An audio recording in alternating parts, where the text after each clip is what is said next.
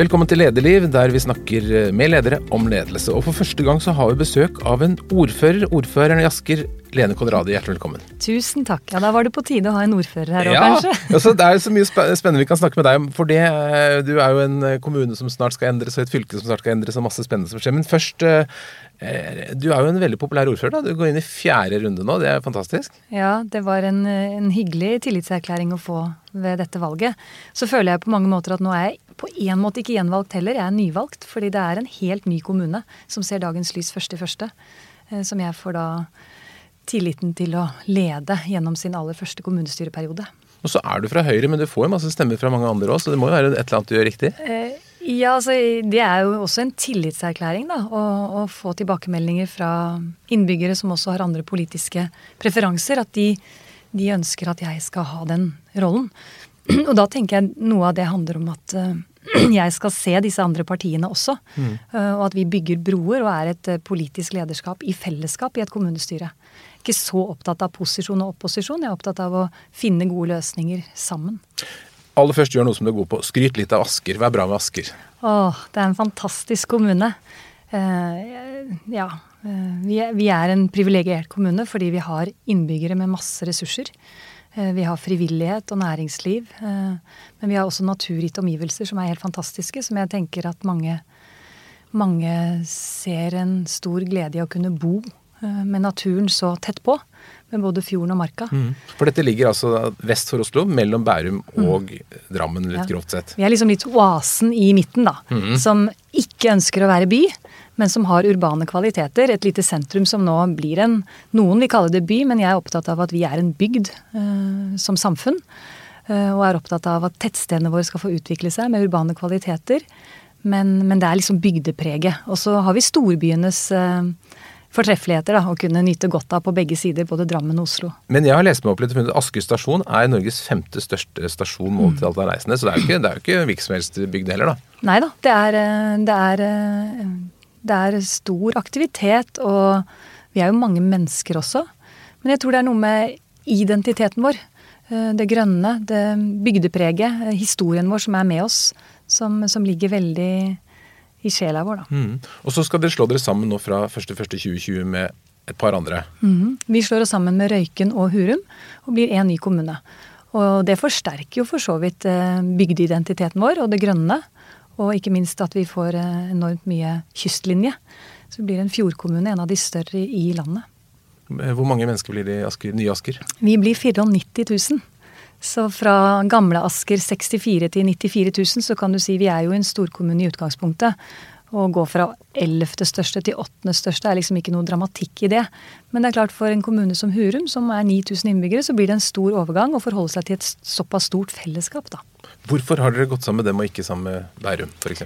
Ja, altså det, det, var jo en eh, prosess uh, over litt tid. Uh, men vi så vel at uh, i utgangspunktet så tror jeg mange fra gamle Asker ikke tenkte at dette var en reform som hadde noe med oss å gjøre. Vi var store i utgangspunktet, leverte gode tjenester. Men vi har, hadde naboskap på den andre siden som hadde et annet behov. Og, og da var det en kartlegging som viste oss at vi har ganske mange felles interesser.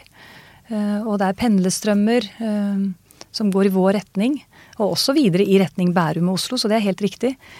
Men, eh, men vi endte på at vi ville få til mer sammen, vi tre, enn alene, hver for oss.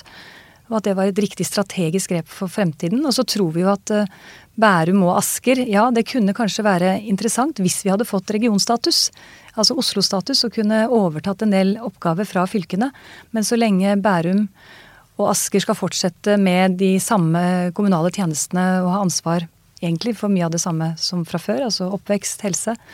Så, så, ble kanskje ikke gevinsten den største ved å slå sammen to så store kommuner. Vi vil nok fortsatt uh, kunne heller være veldig gode samarbeidspartnere. Mm. Og det er jo ganske betegnende at noe av det første jeg gjør som nyvalgt ordfører på, etter tirsdag kveld, er jo å møte Lisbeth Hammer Krogh på hennes kontor onsdag morgen. Så Asker og Bærum vil jo fortsatt være tvillingkommuner og veldig gode samarbeidspartnere. Men det skjer to endringer fra nyttår. Altså, dere blir en større kommune, og så er dere jo per i dag en del av Akershus, men fra første første så blir det en del av storfylket Viken. Eh, på hvilken måte preger det jobben din at både liksom fylkesgrensen og kommunegrensen er i spill samtidig? Nei, det er jo det er store forandringer som skjer for oss nå, politisk. Eh, Og vi har jo som en av få kommuner vært veldig positive til Viken, vi da. For vi ser jo at eh, kollektivtransporten, eh, samferdselen, henger sammen i dette, denne regionen og det større fylket. Vi skulle gjerne hatt med Oslo òg, legger ikke skjul på det. Samtidig så, så, ser jo jeg godt at Oslo ikke ønsker å gi fra seg myndigheten til et eh, nivå og region som på en måte blir overordnet, når de har en eh, tonivåmodell. Som jeg skulle ønske at vi kunne få flere av i landet. Eh, men, men, vi får en fantastisk beliggenhet midt i Viken, og vi håper at det også kan bidra til at vi får et trøkk på, på investeringer på samferdsel i vår kommune. Men i motsetning til sånne fusjoner i næringslivet sånn som ofte går litt kjapt, så er disse ganske lange mm. prosesser, både, både Asker-utvidelsen og, ja. og, utvidelsen eller endringen av fylket. Blir det, blir det sånn at veldig mange mennesker blir gående litt på vent? Ja, det er helt riktig. Det er ganske krevende å stå i sånn omstilling over lang tid. På en måte har vi trengt den tiden, for det er så utrolig mye som skal på plass. Jeg tror ikke vi som uh, fattet vedtak om sammenslåing av Røyken, Asker og Hurum overskuet helt konsekvensene eh, over hvor komplekst og stort det arbeidet er og har vært. Eh, men det at det også tar såpass tid, det, det er en slitasje på organisasjonen. Eh, men, men, vi opplever at vi har klart å håndtere det på en god måte. Nå, og nå har vi liksom oppnådd det også at veldig mange gleder seg. Mm. Og syns liksom at nå må vi bare komme i gang. Og en del i organisasjonen vår, 6000 ansatte, er jo allerede godt innforstått med det og er egentlig i gang allerede. Hvilke konsekvenser var det du ikke hadde ventet? Det var overrasket deg? Altså, det er mye arbeid. Ja. Det, er, det, er, liksom alt fra mm, på detaljer. Eh, at vi liksom skulle da sette i gang med et eh, IKT-prosjekt som består av 106 ganger 3 IKT-systemer som skal sy sammen til en portefølje. Det er et stort arbeid. Så vi trengte også den tiden. Eh, Og så måtte du bytte veinavn?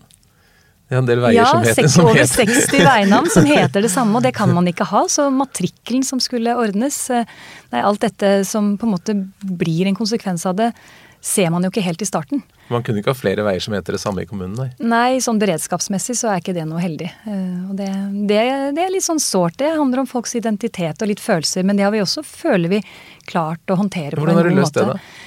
Nei, Vi har jo hatt en veldig åpen prosess, gått ut og sagt at dette er de veiene som må gjøres noe med. Laget noen kriterier for uh, hvilke av de tre kommunene som skulle få beholde det gamle veinavnet. Som gikk litt på historie, på hvor mange mennesker som berøres, næringsliv osv.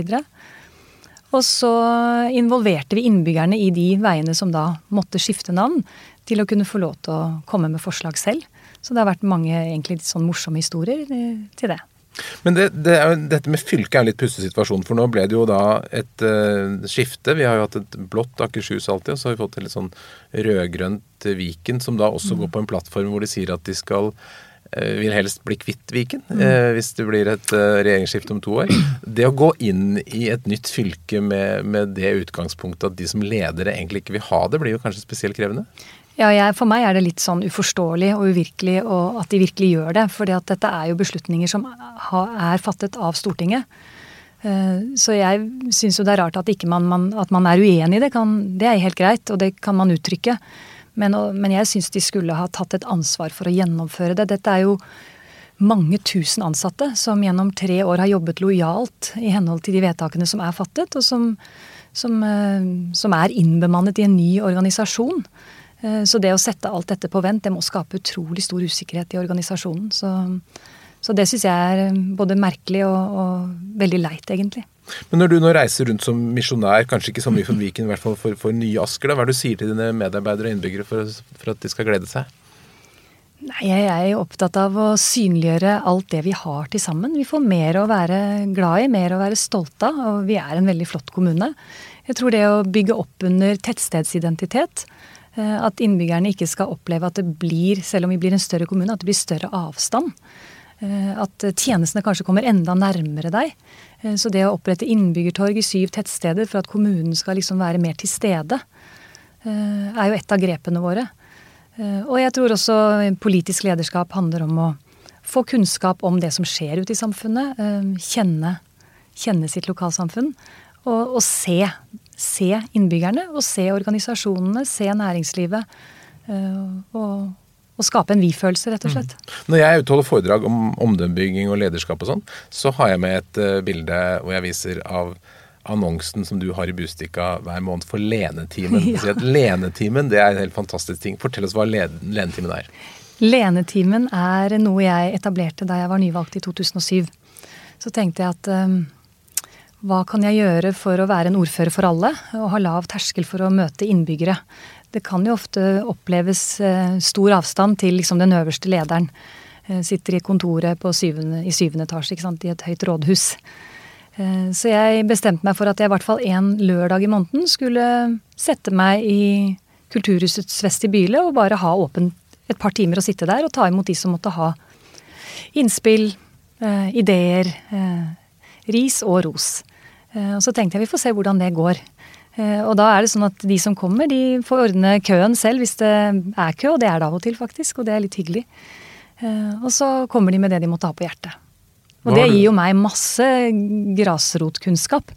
Eh, og og så kan du si kanskje litt slitsomt for rådmannen mandagen etter, da, når jeg, kommer, når jeg bringer videre både spørsmål og, og innspill som, som, er kommet. Har du noen eksempler på ting som har kommet opp gjennom samtale lenetimen? Ja, det er jo så mye. Men, men jeg husker veldig godt at uh, ildsjelen bak uh, Kammermusikkfestivalen, som nå har hatt sitt femårsjubileum, det startet uh, med en idé som en ønsket å drøfte med meg på lenetimen. Hvordan jeg da kan være døråpner og vise vei videre, da. Og ta imot ideen og og, og så ble det, ble det noe vi alle syntes var, var, veldig spennende. Og nå det, har det etablert seg som en uh, spennende musikkfestival hvert eneste år. Og de har også tatt dette ut og innlemmet de to andre kommunene, så har liksom vært foregangsaktør, da. Spennende. Andre historier fra ledentimen? Uh, er det noen som er sinte på deg? Jeg opplever veldig få som er sinte på meg, men det er jo flere som opplever en kommune som de ønsker skulle kunne vært bedre i, i møte med seg og, og, sine problemstillinger. Og det kan være alt fra personlige saker inn, inn det er jo ikke uvanlig. Uh, men også i, møte med helsetjenestene og møte med menneskene i organisasjonen kan det være frustrasjon, da. Mye handler jo om kommunikasjon. Og da, da kan den frustrasjonen komme til meg i form av innspill til forbedring. Og Det må man også ta, selvfølgelig. Er dette noe du, Det å ha en sånn åpen time, er det noe du anbefaler andre ledere? Ja, det, det tror jeg er veldig sunt. Eh, I hvert fall så gir det meg masse energi og ikke minst kunnskap. Eh, og så tror jeg på åpenhet eh, og det å være nær. Jeg tror mange kanskje vil tenke at det er litt skummelt å møte liksom ikke vite hvem man får møte, og hvilke saker som kommer. At, man, at det er litt krevende å skulle liksom møte uforberedt til folk man ikke vet hvem er?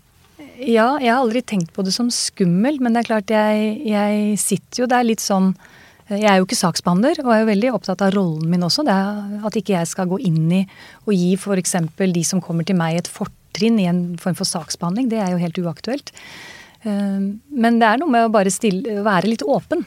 Eh, og være åpen på at det er ikke alt du heller kan svare på.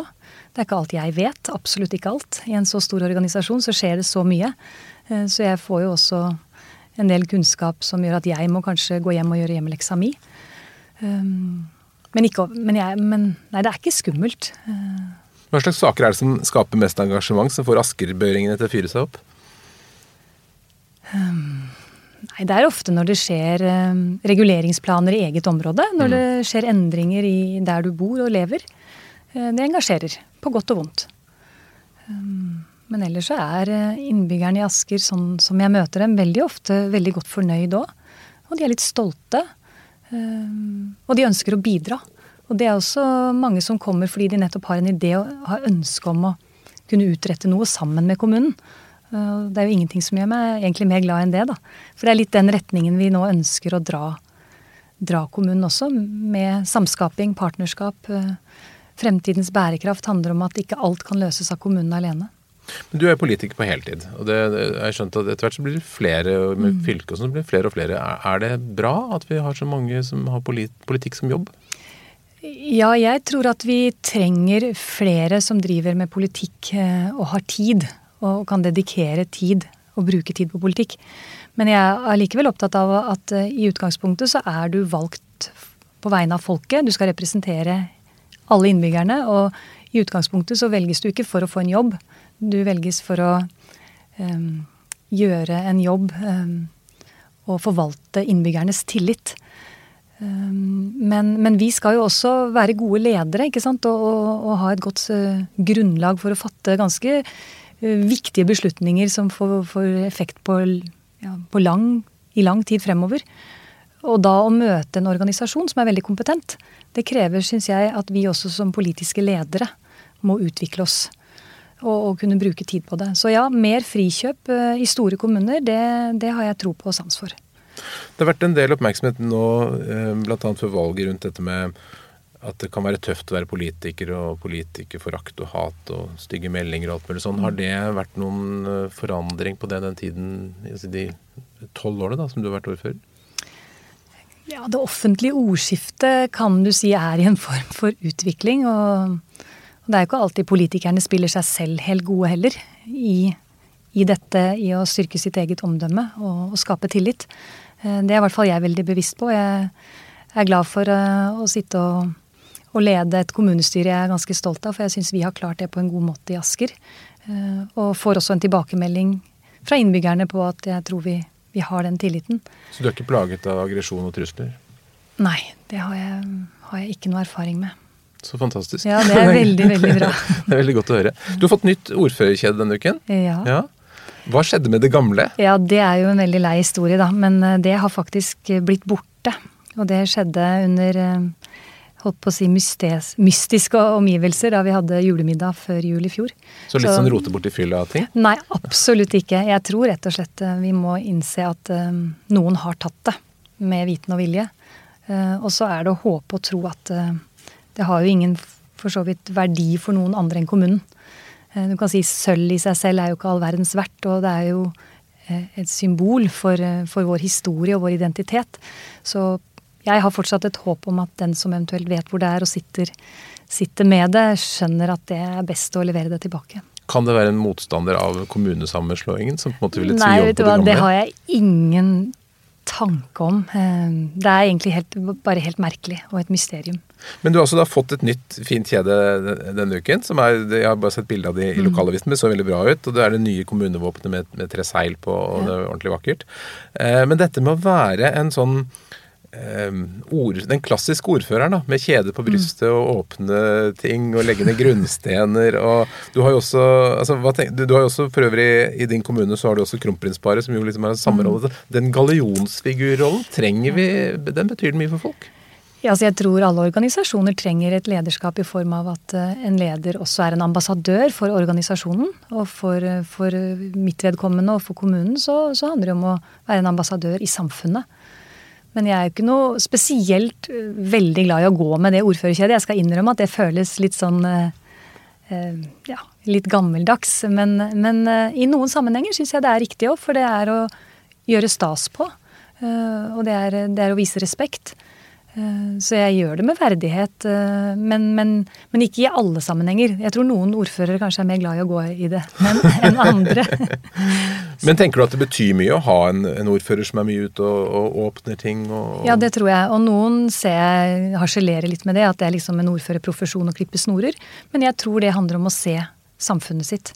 Og være til stede der det skjer. og og også være med på å synliggjøre alt det bra som skjer. Da. Så når vi legger ned en grunnsten, så er det jo for å vise frem også at her har vi investert, her har vi gjort en beslutning. Dette er til beste for innbyggerne. Uh, ja, så, så, jeg tror det å, det å ha litt sånn seremonielt og uh, det, det, bygger fellesskap. Mm. Folk får lyst til å heie på noe. Det tror jeg er viktig. Når du er ordfører, så sitter du og leder et kommunestyre som består av folk som da i, helt klart ikke er enige med hverandre. og Det er jo liksom de har valgt inn fra mm. forskjellige partier. Fortell litt, hvordan, hvordan, tenker du rundt det å skape enighet og konsensus? For de kunne selvfølgelig fra Høyre bare dundre over de andre, eller flertallet, da, men, men, hvordan jobber du for det? Jeg tror de beste løsningene de finner vi når vi lytter til hverandre, eh, går inn i problemstillinger med et åpent sinn. Eh, og det er ikke alltid sånn at eh, en politiker vet best. Vi skal jo i stor grad lytte til fag også, og vår egen administrasjon, som har masse kunnskap. Eh, men så har vi av og til litt Vi kan ha felles mål, men litt ulik oppskrift på hvordan komme dit. Og det skal man synliggjøre gjennom politikken. Så, så, i et kommunestyre er det viktig at man får synliggjort politiske forskjeller, men jeg tror også det er viktig å som ordfører forsøke å få alle politikerne til også å være med på at de har et felles lederskap og et felles ansvar. At ikke det er sånn at opposisjonen peker på at det er posisjonen som, som har ansvar for alt. Eh, langt de fleste vedtak vi gjør i et kommunestyre er jo enstemmige. Eh, og vi har sikkert hentet også mange gode poenger fra opposisjonens og mindretallets eh, innspill i den prosessen fram til vedtak. Så hva kan man lære? Altså, hvordan skal andre på arbeidsplasser hvor det kanskje er litt uh, forskjellige fraksjoner, hvilke tips har du for å skape en fellesskapsfølelse? Det er jo på en måte å, å, å ha et åpent sinn, men, uh, men, også det å møte hverandre med respekt da, uh, og tillit. Og, og evne kanskje å lytte litt mer. Ikke hoppe på konklusjoner. Uh, ofte så har vi jo hatt prosesser før selve kommunestyremøtet, så det blir på en måte litt sånn å synliggjøre synspunkter underveis i den prosessen. Uh, men det er jo ikke et mål i seg selv at alt skal være konsensus heller. Uh, selv om jeg tror at i, store retningsvalg så er det viktig å finne kanskje kompromisser, slik at man har eierskap til, til det man, man bestemmer og skal leve med i mange år fremover. Og da er jo kommunereformen og kommunesammenslåingen for oss et veldig godt eksempel. Det ville ikke vært aktuelt å kjøre gjennom det i det gamle Asker kommunestyre med knappest mulig flertall. Det var vi veldig tydelige på hele veien. Så hvordan jobbet dere for å få til det, da? Nei, da snakket vi jo mye mer med hverandre på tvers av partigrenser enn vi kanskje ellers ville gjort. Mm. Uh, og opparbeidet sånn sett også et tillitsfullt eh, forhold og relasjon oss imellom. Og det tror jeg er viktig i et kommunestyre. At vi, at vi bruker litt tid nå i et nytt kommunestyre på å bli kjent og opparbeide tillit til hverandre. Eh, det handler om å, ha gode relasjoner også. Og vi lærte jo mye i en litt mindre fellesnemnd. Den var riktignok ikke veldig bredt eh, representert, det var bare Høyre, Arbeiderpartiet og Venstre. Men vi hadde jo alle gruppeledere fra alle partier tett på i den prosessen. Og mange arbeidsgrupper hvor alle de tre kommunestyrene fikk være med. Men allikevel, det å jobbe i et lite styre konsensusbasert, eh, det, det var en ny måte å, å jobbe politisk på som jeg har tatt med meg mye kunnskap og lærdom i. Og som jeg håper vi kanskje kan høste litt av i et nytt kommunestyre også. Dere i, i, i Gamle Asker da, var den første kommunen jeg vet, som brukte FNs bærekraftmål viktig som, som liksom grunnlag for Ja, En av de deres. første. Av de første. Man kan sikkert strides om hvem som var først ute, og det er ikke et poeng i seg selv, men Nei, vi var tidlig ute. Hvorfor? Med, jo, fordi øh, jeg tenker at øh, nå var det litt tilfeldig at jeg hadde vært i FN-systemet og fulgt arbeidet fra tusenårsmålene til bærekraftsmålene. Så jeg kjente de. Uh, og, og, det ble på en måte noe vi kunne Vi, vi løftet oss litt, da. En, en, fusjon er ofte veldig Du blir veldig internt uh, fokusert, og det er ikke unaturlig. Men, men, vi er jo en del av et større hele. og bærekraftsmålene er noe vi er forpliktet til. Og bærekraft er for meg selvfølgelig ikke bare klima og miljø, selv om ofte det er det man tenker på. Det handler om sosial bærekraft, og det handler om økonomisk bærekraft. Og da plutselig ble disse bærekraftsmålene veldig relevante for oss. Eh, og det var noe å, få eierskap til, og som har skapt begeistring i organisasjonen vår. Og det trengte vi. Så det var et veldig godt grep for oss, da. Mm. Var det en praktisk måte å jobbe på? Det er det vi har erfart nå. At vi har utarbeidet en metodikk for å implementere disse bærekraftsmålene. Slik at det på en måte ikke bare pynter dokumentene våre og er fine ord, men at vi, vi rent praktisk bruker de i hverdagen. Um, I virksomhetene. Eh, og, og, næringslivet er jo der med en gang og syns dette var strålende. Og ønsker å ta det videre sammen med oss. Og, og frivilligheten og innbyggerne våre kjenner seg godt igjen i dette og syns dette, dette, virker, dette er tillitvekkende for mm. dem, tror jeg, at en kommune gjør. Men Klima er jo, som du nevnte, et av dem, og en, mm. en viktig utfordring for oss alle. Hvordan, kommer, hvordan, hvordan påvirker klimautfordringene Aske kommune? Vi tenker at vi må gjøre som organisasjon det vi kan for å være en, en foregangsfigur. For å vise at uh, vi står sammen i en av, en av, verdens største utfordringer som skal løses sammen. Uh, og det handler om uh, global oppvarming og klimautfordringene. så det er alt fra det lille til det store. så som organisasjon så er vi opptatt av å se hvor vi kan redusere vårt klimaavtrykk. Eh, og vi gjør det også, og vi måler oss selv på det. Mm. Men så handler det om å få med resten av sivilsamfunnet, eh, innbyggerne våre og ikke minst næringslivet. Hvilke tiltak er det dere gjør? Eh, på klima? Ja. Det går på energiforbruket i f.eks. kommunale bygg. Det går på også å gi kunnskap til innbyggerne om hvilke grep de kan ta i egne liv for å gjøre grønnere valg. Uh, det handler om å tilrettelegge for et samfunn som bruker mindre energi. Altså satse på kollektivtransport. Nå er ikke vi transportmyndighet, men vi er allikevel veldig opptatt av det. Ta i bruk fjorden med utslippsfrie ferger. Så det, det handler om tilrettelegging i folks hverdag, egentlig. Mm. Trafikk er jo et tema for, for Asker. Det er en mm. stor vei som går gjennom Asker. Ja. ja. da, og den skal ikke bli så veldig mye større, men vi håper at den også skulle kunne bli mer bærekraftig. Eh, vi ser jo hva man har fått til. Det er ikke vanskelig å skjønne det når du kommer inn til Oslo, hvor de har fått lagt eh, trafikken under bakken. Eh, og frigjort arealer på toppen som, som gjør at du kan leve med, mer miljøvennlig. Mm. Så det er, litt, det er jo det samme vi ønsker oss. Med en ny E18, eh, som ikke skal ha en voldsom kapasitetsøkning, for det er ikke målet i seg selv, men den skal gjøre det enklere å kunne velge grønt i hverdagen gjennom kollektivtransport, egen bussvei, frigjøre arealer rundt eh, kollektivknutepunktene, som gjør at vi kan få flere boliger og næringsliv etablert der, som i dag er båndlagt pga. støy og, og miljøulemper. Så dette er eh, For oss er det en av de viktigste miljøsatsingene. Å få en ny miljøvennlig E18. Det du snakker om nå er egentlig da store globale mål som blir tatt ned til sånne helt mm. lokale endringer som folk merker. Tror du folk i stor nok grad ser liksom sammenhengen her mellom de store målene og det dere kommunestyret gjør, og hvordan det påvirker hverdagen deres, eller blir man bare litt sånn forundret irritert over hva som endrer seg rundt den? Nei, jeg tror folk eh, er mer og mer årvåkne og bevisst på eh, at eh, skal vi nå de store målene, så må man faktisk være med selv også. Mm. Og det handler om hverdagslivet vårt også. Så, så, jeg håper og tror at de fleste klarer å se disse mm. sammenhengene. Mm. Burde flere engasjert seg i lokalpolitikken for å, for å gjøre noe bra?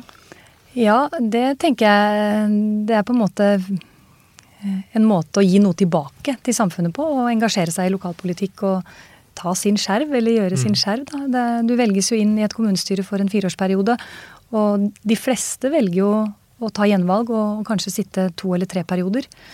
Uh, og min oppfordring er at det, det burde flere mm. se på muligheten for å gjøre. Det er veldig meningsfylt. Jeg har ikke sett så nøye på tallene for, for Nye Asker, men inntrykket mitt er at uh, i kommunestyren så blir det en god del unge, og så blir det en god del eldre, men at det er tungt å få med de som er imellom i sånn småbarnsfasen? Ja, det er nok riktig at uh, det å rekruttere å si, foreldre i småbarnsfasen er, er eh, det tyngste. Men, men, vi har ganske mange med av de også nå, så jeg er godt fornøyd med representativiteten og bredden i kommunestyret vårt. Eh, vi har ikke de aller eldste med oss denne gangen. Vi har, den eldste er 73, den yngste er 18. Mm -hmm. Og så har vi mange mellom. Og så er gjennomsnittsalderen 50,3. Og da har jeg Det er ganske fra, bra. Det er ganske, Ja, eller jeg vil si det er, vi kunne vært litt yngre. Okay. Men, men det er ok. Jeg har jo siden jeg kom inn selv som 25-åring alltid vært et ungdomsalibi, og fortsatt skal jeg trekke gjennomsnittsalderen ned. Jeg fyller 50 neste år, så det var jo hyggelig for meg, i det minste. Ja. Hva var det som fikk deg med som 25-åring? Hva var det som tente deg på politikk? Det var nok litt tilfeldigheter som gjorde at jeg ble valgt inn, fordi jeg har alltid vært samfunnsengasjert. Eh, fra skolealder, var med i Unge Høyre en stund. Eh, så tok jussen på en måte fokus og oppmerksomheten noen år. Eh, men jeg, jeg, ble faktisk erstattet inn, eh, litt tilfeldig, fordi en av kandidatene på listen til Høyre eh, meldte flytting. Og så hadde da partiet fullmakt til å fylle opp den listen, og spurte kretsen som jeg satt i, har dere en kvinne. Så, så det var egentlig helt tilfeldig. Jeg visste ikke hva jeg gikk til, og og skal innrømme at det var en veldig stor overgang å komme inn i et kommunestyre og føle det ansvaret. Og da var jeg bare menig kommunestyrerepresentant, og allikevel var det nesten så jeg mistet nattesøvnen. Mm -hmm. For jeg følte liksom at nå hadde jeg, jeg si, ansvaret for alle innbyggernes uh, byrder der mm. ute.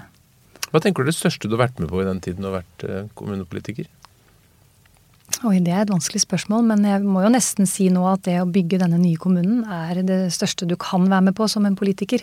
For det er jo ganske dramatisk å å ta en sånn beslutning på vegne av fremtiden. Og, og legge ned en kommune for så å bygge, være med å bygge opp en ny. Så det er noe av det største. Og så noe av det viktigste jeg har gjort, har vært å rekruttere en veldig dyktig rådmann.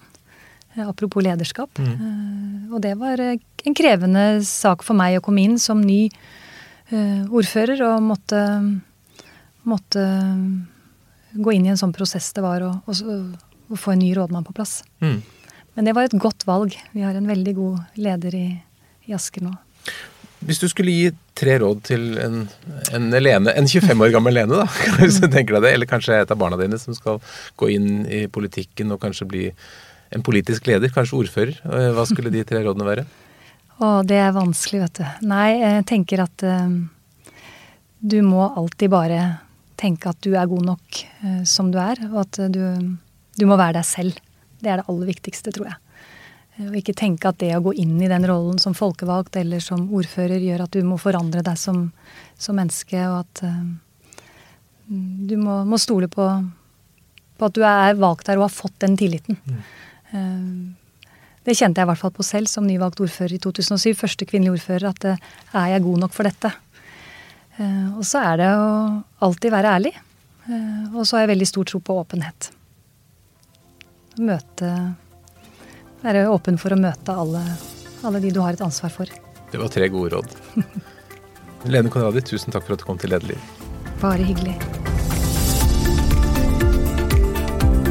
Takk for at du hører på Lederliv, som er en podkast fra kommunikasjonsbyrået Apeland. Redaksjonen består av Ellen Paulsen, Lars Jarle Lars Volden og meg, Ole Kristian Apeland. Du finner alle utgavene på lederliv.no, eller der du ellers finner podkast. Og hvis du trykker på abonner på appen i telefonen din, så får du varsel når det kommer nye episoder. Vi er også glad for alle former for ris, ros og tips om spennende ledere.